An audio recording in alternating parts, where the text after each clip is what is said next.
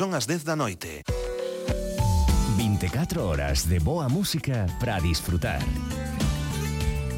Radio Galega Música.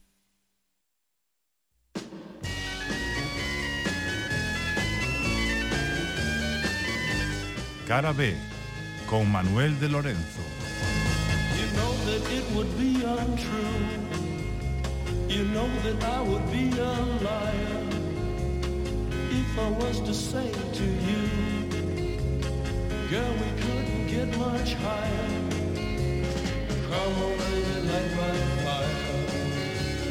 Come on, baby, light my fire. Try to set the night on fire. Moi boas a todas e a todos.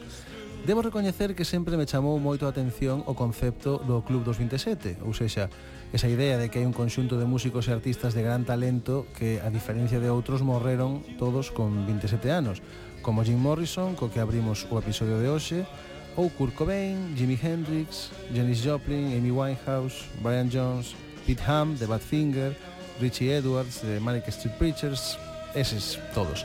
E non digo isto mm, porque non crea que esa xente, tanta xente, morrera a esa idade, ou porque non os considere eu eh, grandes músicos, ni nada diso.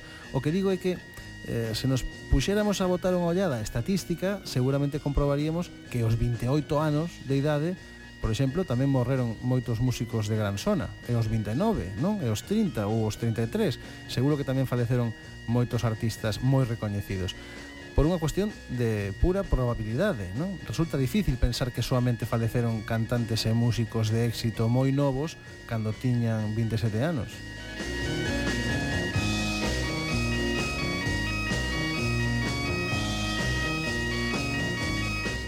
E de feito así é, non existe eh, un pico estatístico que corrobore esta idea do club dos 27 anos.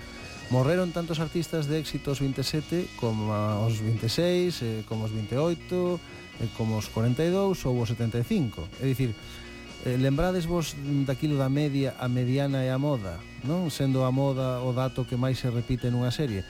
Pois non existe unha moda aquí que coincida cos 27 anos, falando claro é un concepto este, o do Club dos 27, de carácter máis ben sociocultural, non case mitolóxico. Se cadra porque comezou a cousa cunha serie de músicos como Hendrix, Janis Joplin ou Jim Morrison, que eran auténticas lendas e porque aconteceu cando o rock and roll aínda movía o mundo, non? A comezos da década dos 70.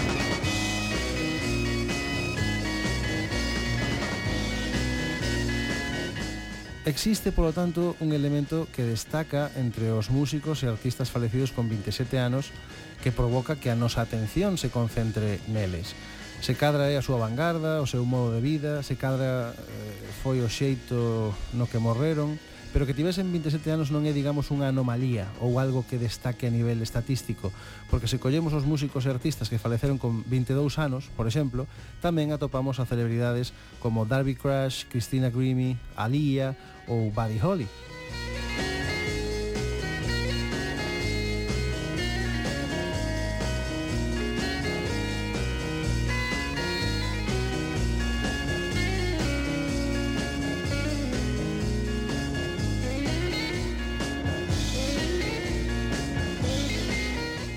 E venme moi ben isto de falar do xeito en que morreron determinados músicos no canto da idade que tiñan e venme de paso tamén moi ben o exemplo de Buddy Holly para introducir o tema principal do que vai eh, tratar este episodio de hoxe. Porque é un tema no que acontece o mesmo que co do Club 27 que chama a atención malia non ser unha anomalía estatística aínda que o pareza é un tema que tamén trata da morte de grandes artistas entre os que se atopa o mesmísimo Buddy Holly pero que como digo non ten nada que ver coa idade senón co xeito en que faleceron porque lo que me interesa falar hoxe é dos moitos artistas e lendas do rock ou do pop que faleceron en accidentes aéreos.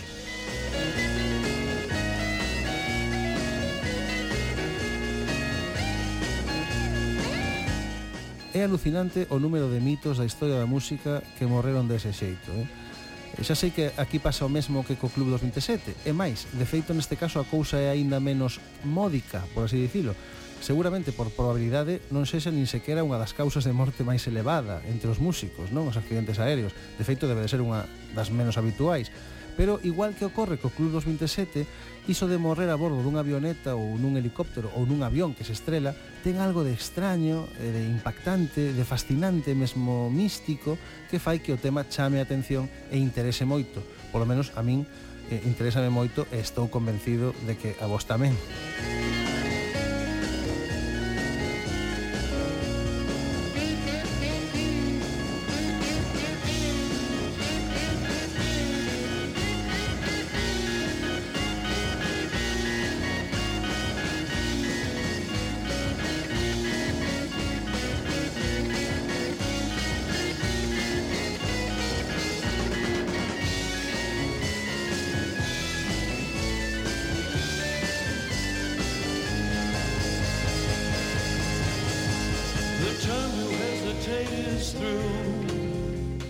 Como digo, foron moitas as lendas musicais que faleceron en accidentes aéreos e hoxe imos contar a historia do que, do que lle ocorreu a cada unha delas.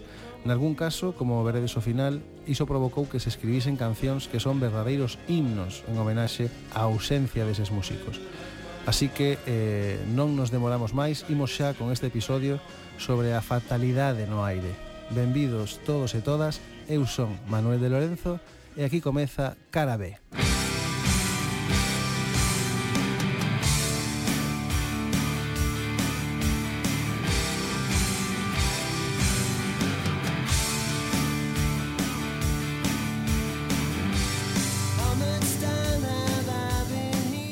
Imos comenzar falando en primeiro lugar da triste desaparición da metade dos membros da banda Leonard Skinner que faleceron cando o seu avión quedou sen combustible. Que cousa máis espantosa, eh? Mete medo con só pensalo. Leonard Skinner apareceran no ano 1964 e pronto acadaron un enorme éxito como banda dese rock con denominación de orixe feito no sur dos Estados Unidos. A iso contribuíron as súas grandes cancións, sen dúbida, pero tamén a polémica que lles rodeou cando contestaron co seu tema Sweet Home Alabama as, as cancións de Neil Young tituladas Southern Man e Alabama, onde Neil Young construía unha imaxe do sur do país un tanto inxusta, non porque os actos racistas que ali tiñan lugar non fosen certos, eh, senón porque a generalización que facía Neil Young metía a todo o mundo no mesmo saco, non? Eles, como digo, contestaron coa canción Sweet Home Alabama, onde se menciona directamente a Neil Young na súa letra, e se lle di que non volva polo sur. Pero a cousa non foi a máis, e co paso do tempo, tanto Neil Young como os Leonard Skinners foron bons amigos. Por desgraza, pouco despois, xusto cando os Leonard Skinner atopábanse no punto máis alto da súa carreira, un accidente aéreo freou a súa traxectoria, No ano 1977, a banda desfíxose do seu vello autobús mm, que utilizaban para as xiras para así facerse cun avión lixeiro, deste xeito optimizar as viaxes e percorrer as mesmas distancias en moito menos tempo. Pero ese ano, o 20 de outubro dese ano 1977, nunha desas viaxes, o avión no que se trasladaba a banda quedou sen combustible cando sobrevoaban unha zona de Mississippi e produciuse a tragedia, claro. O avión sen combustible caeu contra o chan nunha zona boscosa e faleceron no acto os dous pilotos, o manager da banda, os irmáns Steve e Casey eh, Gaines, perdón, e o vocalista do grupo, o gran Ronnie Van Sant. Isto, claro, provocou a disolución do grupo, aínda que anos despois os superviventes de, de Len Skinner decidiron xuntarse de novo co mesmo nome, porque claro, de algo hai que vivir, non?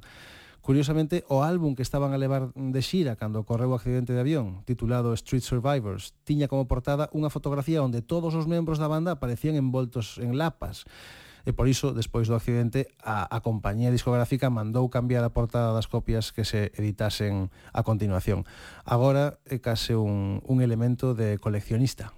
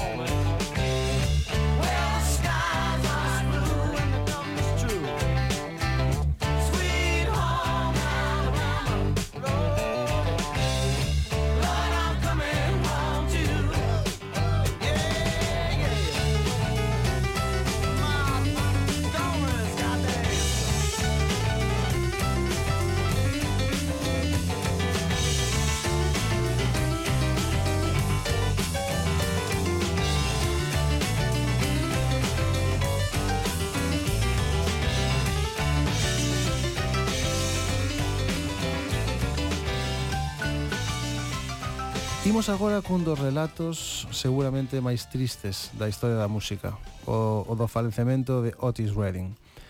Todo comezou o 7 de decembro de 1967, cando Otis Redding estaba a gravar a canción Sitting on the Dock of the Bay nos estudios de Stax Records en Memphis xunto co seu produtor Steve Cropper, E ao chegar á última parte do tema, decatouse de que eh, esquecerase dos versos que quería cantar. Non? Ele estaba fronte ao micro e non se lembraba das frases que preparara para ser cantadas nesa parte final da canción. Non se lembraba da letra que escribira na súa casa. E que fixo? Pois, eh, para non se esquecer tamén da melodía que quería cantar, decidiu que polo menos, aínda que nese momento non se lembrase da letra, o que ia facer era deixar gravada ali mesmo a melodía con asubíos, non? Para así non esquecela, e, e, e volvería máis adiante coa letra da canción anotada nun papel para poder cantala, non? Gravaría uns asubíos coa melodía da canción e cando regresase ao estudio uns días máis tarde, sustituiría eses asubíos polas palabras que ia traer escritas, de xeito que pois ia cantar esas palabras coa melodía deses asubíos, non? E ninguén sabería nunca eh, pois do truco dos asubíos. A idea non era nada mala, mm? asubiar unha melodía nunha grabación é un boxeito de deixala grabada para non esquecela e así poder sustituíla máis adiante por algún instrumento, non? Ou por palabras cantadas, como era o caso. Pero foi entón cando se produciu a catástrofe. Non? Otis Redding ia regresar ao estudio uns días máis tarde, como digo, para sustituir os asubíos por palabras, pero por desgraza, xustamente tres días despois de gravar aqueles asubíos, ou seja, un par de días antes de ter que regresar ao estudio, Eh, o 10 de decembro de 1967, Otis Redding faleceu nun terrible accidente de avioneta no lago Monona, en Wisconsin. Morreron el e máis os músicos da súa banda de apoio, The Bar Case, mentres tentaban aterrar no aeroporto do condado de Dane para actuar na cidade de Madison. Os asubíos, polo tanto, de Sitting on the Dock of the Bay xa nunca puideron ser substituídos por por aqueles versos que Otis Redding quería cantar. Nunca saberemos que frases quería engadir no final da canción con esa melodía, non? Nunca saberemos que nos quería contar e por iso a canción quedou así para sempre. Eh? Trátase dunha canción sen rematar, pero é curioso, é moi curioso que ao final eses asubíos de Sitting on the Dock of the Bay que eran algo provisional, remataron converténdose quizáis na parte máis recoñecible da canción, non? Incluso máis que a estrofa ou a, ou a famosa liña de baixo que ten este tema, non?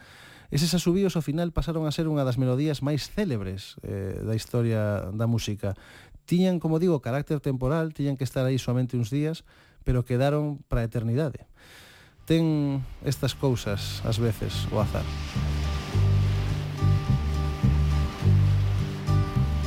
Sitting in the morning sun I'll be sitting watching the ships roll in. Then I watch them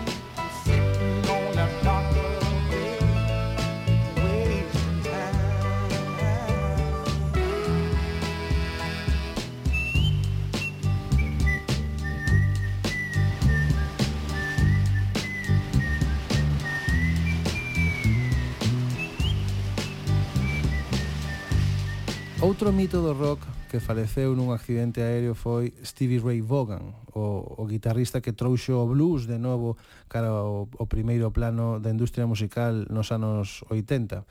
Se me apurades, case un purista, non? Resulta especialmente trágico o seu caso porque mm, ao final Stevie Ray Vaughan morreu nun esperado accidente de helicóptero, non? Cando Eh, pero que pasa? Que todo apuntaba a que a súa vida eh, ia rematar por causa do seu continuado abuso das drogas e do alcohol. Pero o que pasou foi que, en realidade, Stevie Ray Vaughan conseguiu sair dese inferno, non? Conseguiu repoñerse das súas eh, terribles adicións.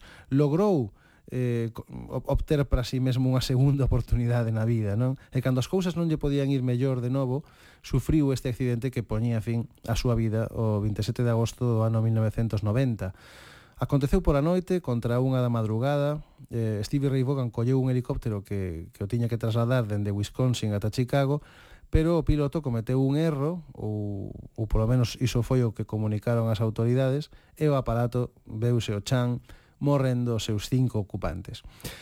E dicía que a cousa era especialmente tráxica, porque, en fin, Steve Ray Vaughan lograra encamiñar a súa vida de novo e merecía esa segunda oportunidade, pero hai un feito que agrava aínda máis o relato de como sucedeu o accidente, porque Stevie Ray Vaughan viña de tocar con Eric Clapton en, en Wisconsin, ou seja, Clapton invitárao a tocar con el, E cando rematou o concerto, Vaughan tiña que, que regresar á súa casa en Chicago, por terra, non? Pero claro, como iso ia lle supoñer moito tempo, Eric Clapton ofreceulle un dos seus helicópteros. Foi el quen lle ofreceu un dos helicópteros que alugara para desplazarse, un helicóptero que ia ser pilotado por un dos propios pilotos contratados por Eric Clapton, non? Entón así Stevie Ray Vaughan ia chegar antes a, a súa casa e viaxaría dun xeito moito máis cómodo.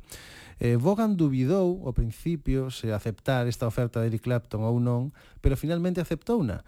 E claro, eh, con aquela aceptación estaba a firmar a súa sentencia de morte, sen sabelo. Eh, eu dubido moito que Eric Clapton eh, fora quen de repoñerse facilmente daquilo, non? Fase unha oferta así a un amigo mm, para tentar axudalo e ao final eh, a historia remata coa morte dese amigo, non? É unha tremenda mágoa. Imos escoitar eh, o gran Steve Ray Vaughan coa canción Pride and Joy. Thank.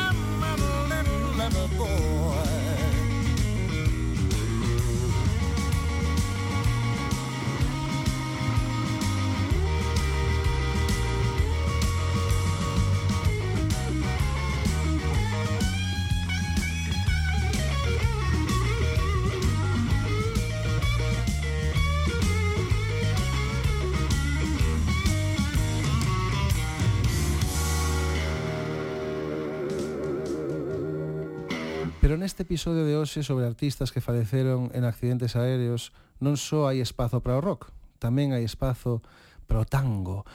Porque resulta que o grandísimo Carlos Gardel faleceu en xuño de 1935 precisamente cando o seu avión chocou con outro avión no momento de despegar no aeródromo de Las Playas en Medellín, en Colombia. Ou seja, o seu avión estrelouse contra outro avión xusto no despegue. Pero isto é tremendo, eh? Ou seja, non sei que, que, que posibilidades hai de que aconteza algo así, non? En fin, eh, nese accidente morreron os sete ocupantes do, do outro avión, eh, e no avión que ocupaba Carlos Gardel faleceron tamén o guitarrista Guillermo Barbieri, os empresarios Ernesto Samper Mendoza e Celedonio Palacios, o xornalista Willis Foster, o promotor de espectáculos Henry Schwartz e o escritor e letrista Alfredo Lepera, ou seja, unha auténtica masacre. E como resulta que precisamente o escritor Alfredo Lepera é o autor da letra do afamadísimo tango Por unha cabeza, e Carlos Gardel, perdón, Carlos Gardel é o autor da, da súa música, é o seu máis coñecido intérprete, e como ademais compuxeron xuntos esta xoia en Nova York no ano 1935, precisamente apenas uns meses antes do accidente, pois imos eh, homenaxealos os dous escoitando este tango que o azar de novo quixo que puidesen escribir por sorte antes de morrer. Por sorte para nós, claro. Eh, por unha cabeza.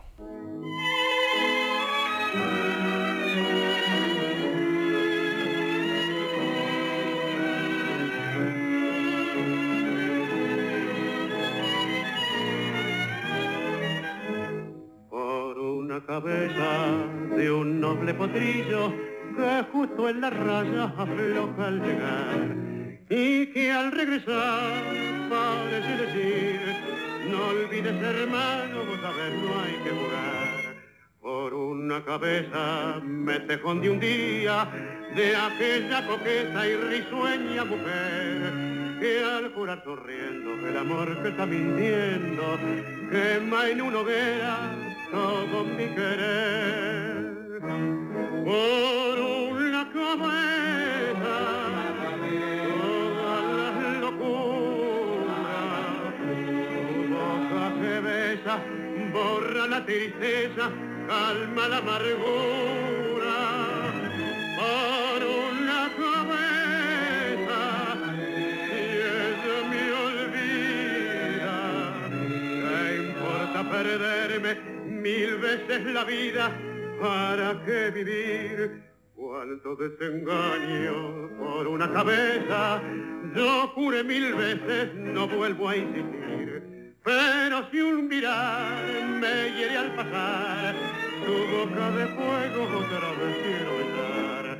Basta de carrera, se acabó la timba, un final reñido yo no vuelvo a ver. Pero si algún bingo llega a ser fija el domingo, yo me juego entero, ¿qué le voy a hacer? Por una cabeza, toda la locura, tu boca que besa, borra la tristeza, calma la amargura. Por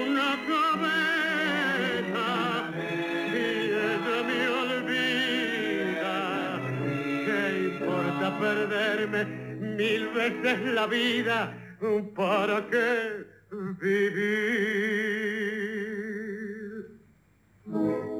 Quenda agora pro señor Randy Rhoads, que foi eh, se, me, se me permitides un dos guitarristas de hard rock, eh, de heavy metal máis influentes de todos os tempos era un virtuoso, tiña paixón e tiña un grandísimo talento creativo. Iniciouse no mundo do rock no ano 1976, logrando os seus primeiros grandes éxitos como guitarrista de Quiet Riot, despois pasaría a ser o guitarrista de Ozzy Osbourne, converténdose ademais en preza clave dos seus inicios en solitario, xa que tocaba e eh, compoñía as cancións xunto a Ozzy. Pero claro, todo isto entre os 18 e os 25 anos, eh? Eh, ou seja, estamos a falar dun neno, porque esa era a idade que tiña cando faleceu, 25 anos. Comezou a ser músico profesional de bandas como Quiet Riot con 17 anos. É unha cousa increíble o de, o de Randy Rhoads. Eh, o que pasou foi que o 19 de marzo, o 19 de marzo de 1982, despois dun concerto eh, de Ozzy Osbourne en Florida, A banda chegou no seu autobús a unha área de descanso onde se topaba un pequeno aeroporto con algunhas avionetas. Nun momento dado, o conductor do autobús do grupo, un tal Andrew Aycock, subiu a unha desas avionetas lixeiras para dar un pequeno voo e probar as súas habilidades como piloto, xa que contaba cunha licenza de aviador, aínda que xa estaba caducada. Este conductor, Andrew, convidou a Randy e máis a unha maquilladora da banda a voar con el, pero todo ia ben, pero empezou a realizar manobras temerarias coa avioneta, voando moi por baixo do permitido, e ao final perdeu o control, estrelouse contra unha casa, falecendo os tres de maneira instantánea. Imos escoitar un dos temas que Randy compuxo xunto con Ozzy Osbourne para o álbum Blizzard of Oz do ano 1980. Titúlase Crazy Train, é moi coñecida. Sobre todo o solo de guitarra foi escollido como o noveno mellor solo de guitarra de toda a historia da música. A saber con que outras xoias podría ternos sorprendido Randy Rhoads ao longo da súa carreira de non ter falecido aquel día con 25 anos.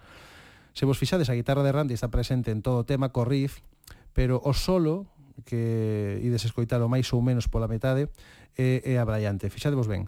Verai vai Crazy Train. Ah!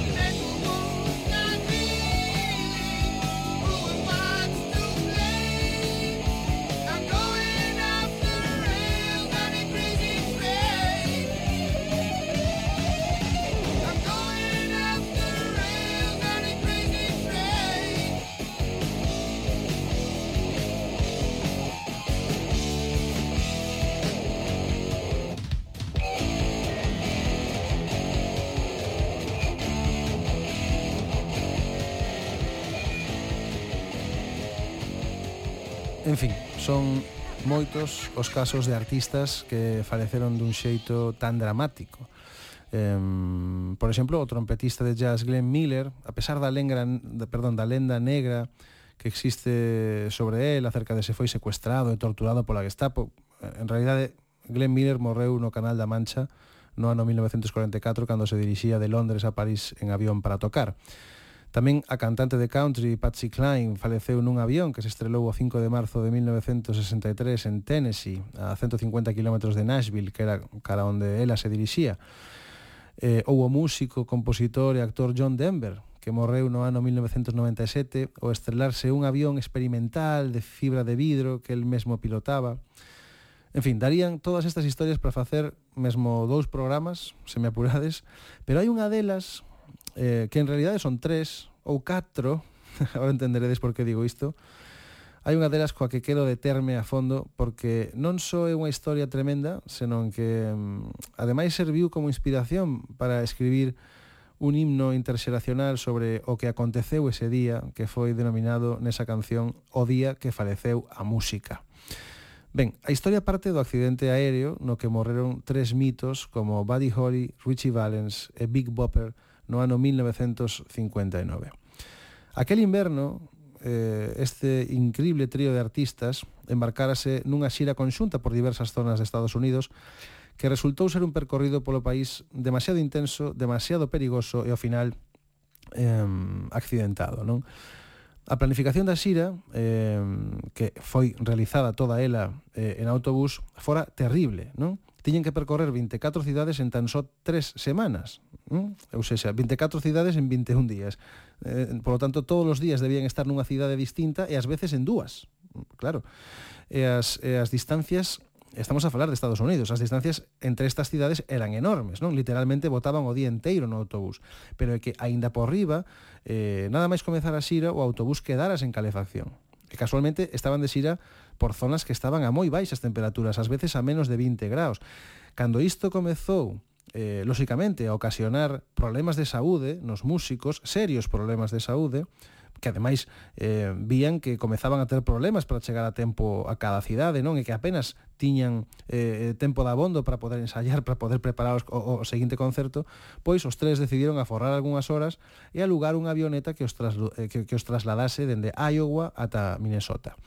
O problema foi que, mm, que a avioneta era moi bella, e o piloto tiña apenas 21 anos de idade e tan só 700 horas de voo, e de feito foi a falta de pericia do piloto o que ocasionou que a avioneta se estrelase impactando sobre o chan nun campo de millo e causando a morte instantánea das catro persoas que ían eh, a bordo, non? Por mor da inexperiencia dun piloto demasiado novo no inverno de Minnesota, podedes vos imaginar, non? Eh, con ese frío, con ese vento, con esas condicións atmosféricas que debían de ser terribles.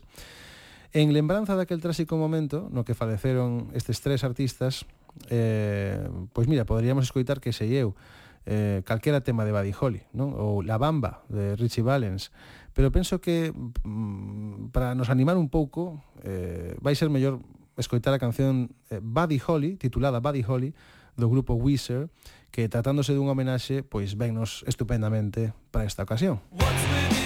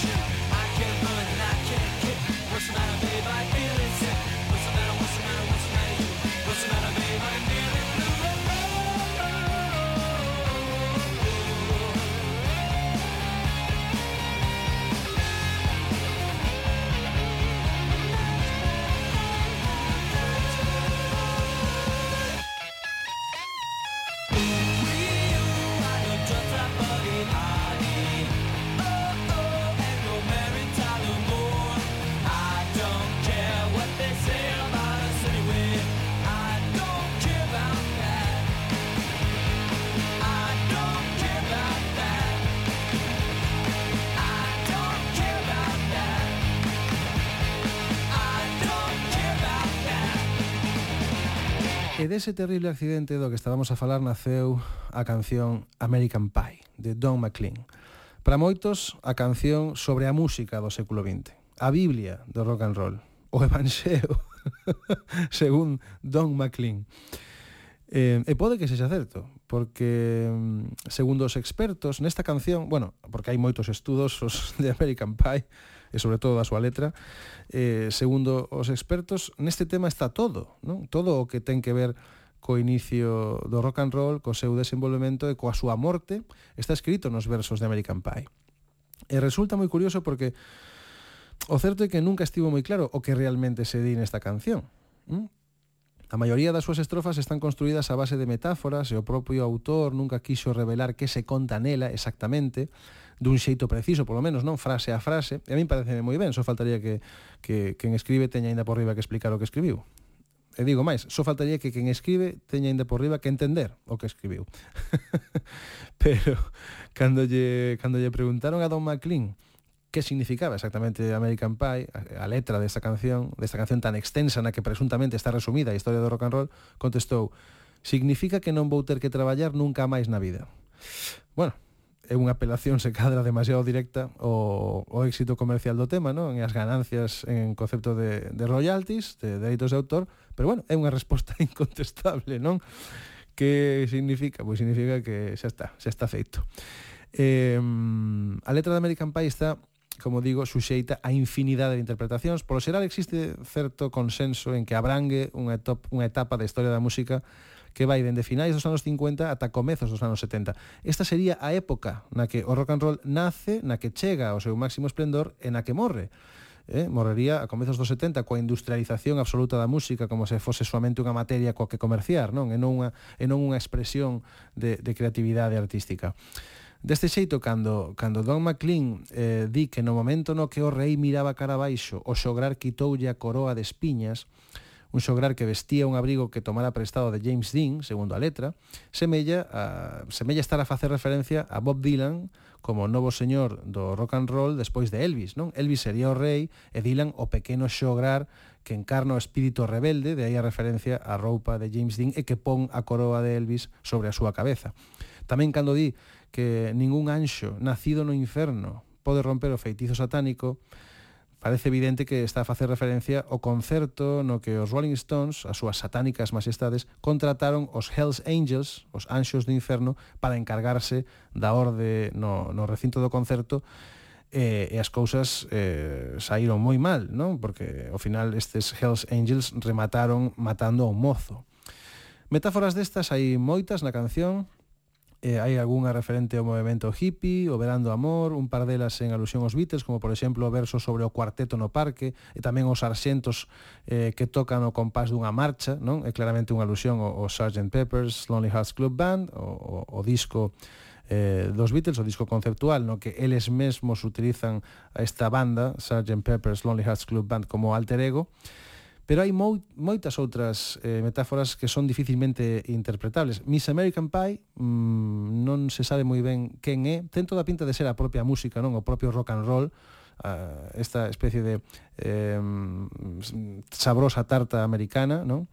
Eh, Didon McLean no retrouso que conduciu ata o pozo, pero o pozo xa estaba seco, parece que fala do momento no que morre o rock and roll, e de feito xusto antes dese retrouso introduce a frase The day the music died, é dicir, o día que a música morreu, non? Que secou o pozo, que se acabou eh, o rock and roll.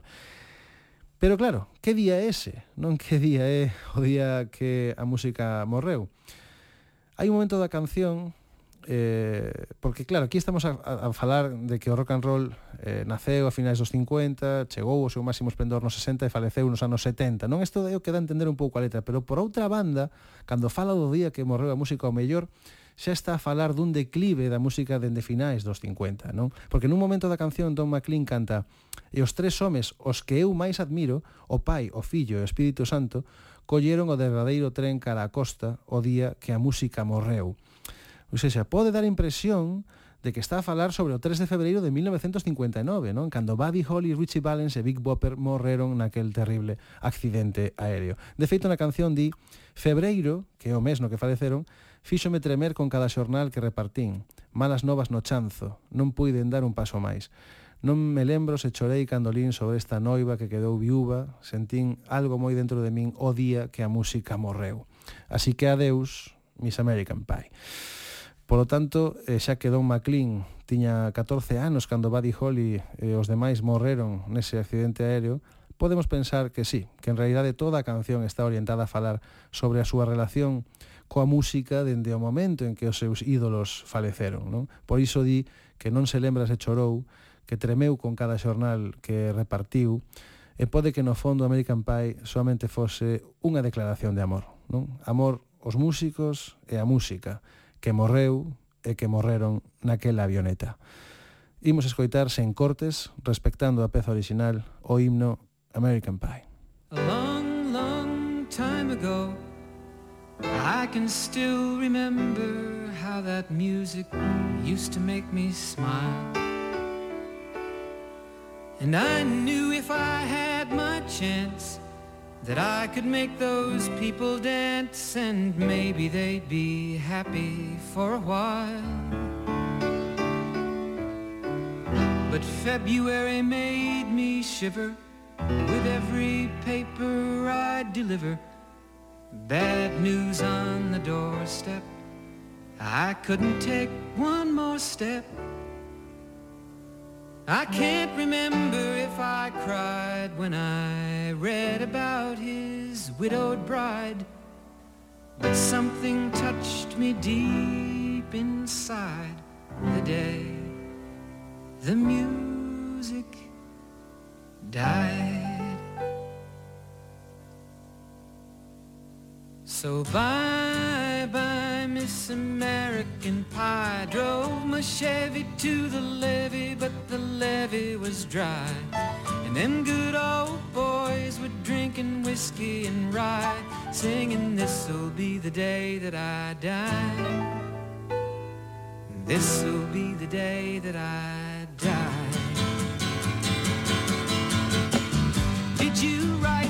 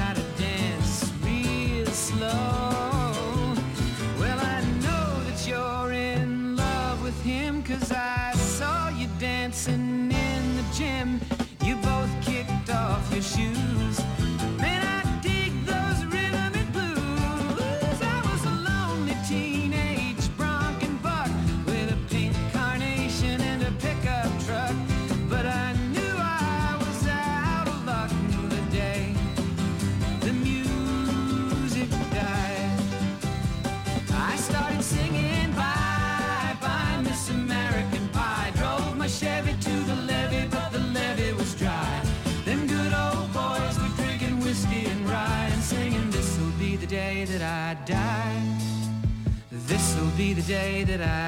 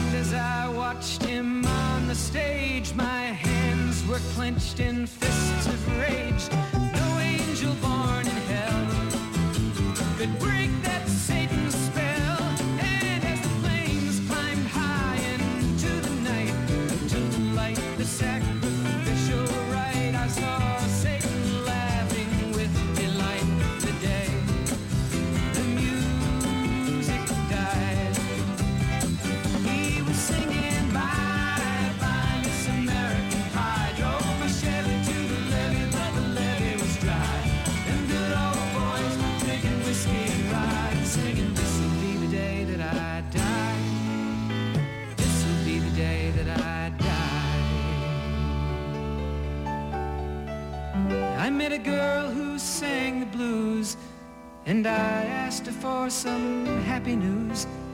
But she just smiled and turned away. I went down to the sacred store where I'd heard the music years before.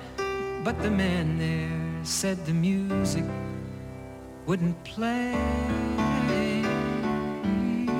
And in the streets the children screamed, the lovers cried, and the poets dreamed. Not a word was spoken. The church bells all were broken. And the three men I admire most, the Father, Son, and the Holy Ghost, they caught the last train for the coast. The day the music died, and they were singing, Bye, bye, Miss American Pie. Drove my Chevy to the levee, but the levee was dry.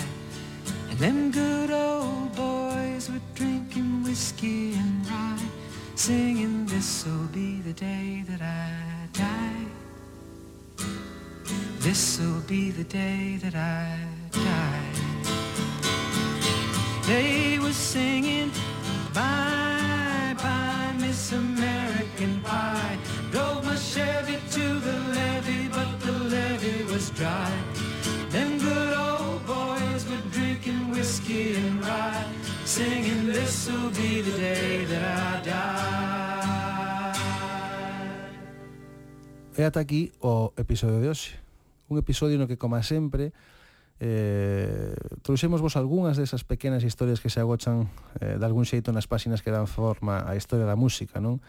Eh, a letra pequena desa historia, os relatos eh, dos que apenas se fala pero que serven para pegar e para unir os episodios que son máis coñecidos e que conforman todo o universo musical.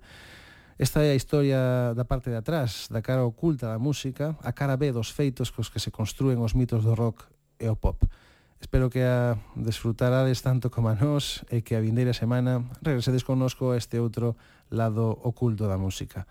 Agardamos por todos vos na nosa e polo tanto na vosa cara B. E, por certo, se queredes desfrutar de algún eh, dos nosos outros episodios, non esquezades buscarnos na plataforma radiogalegapodcast.gal ou en Spotify ou no resto das plataformas de podcast. Nada máis. Coidadevos moito. Thank you.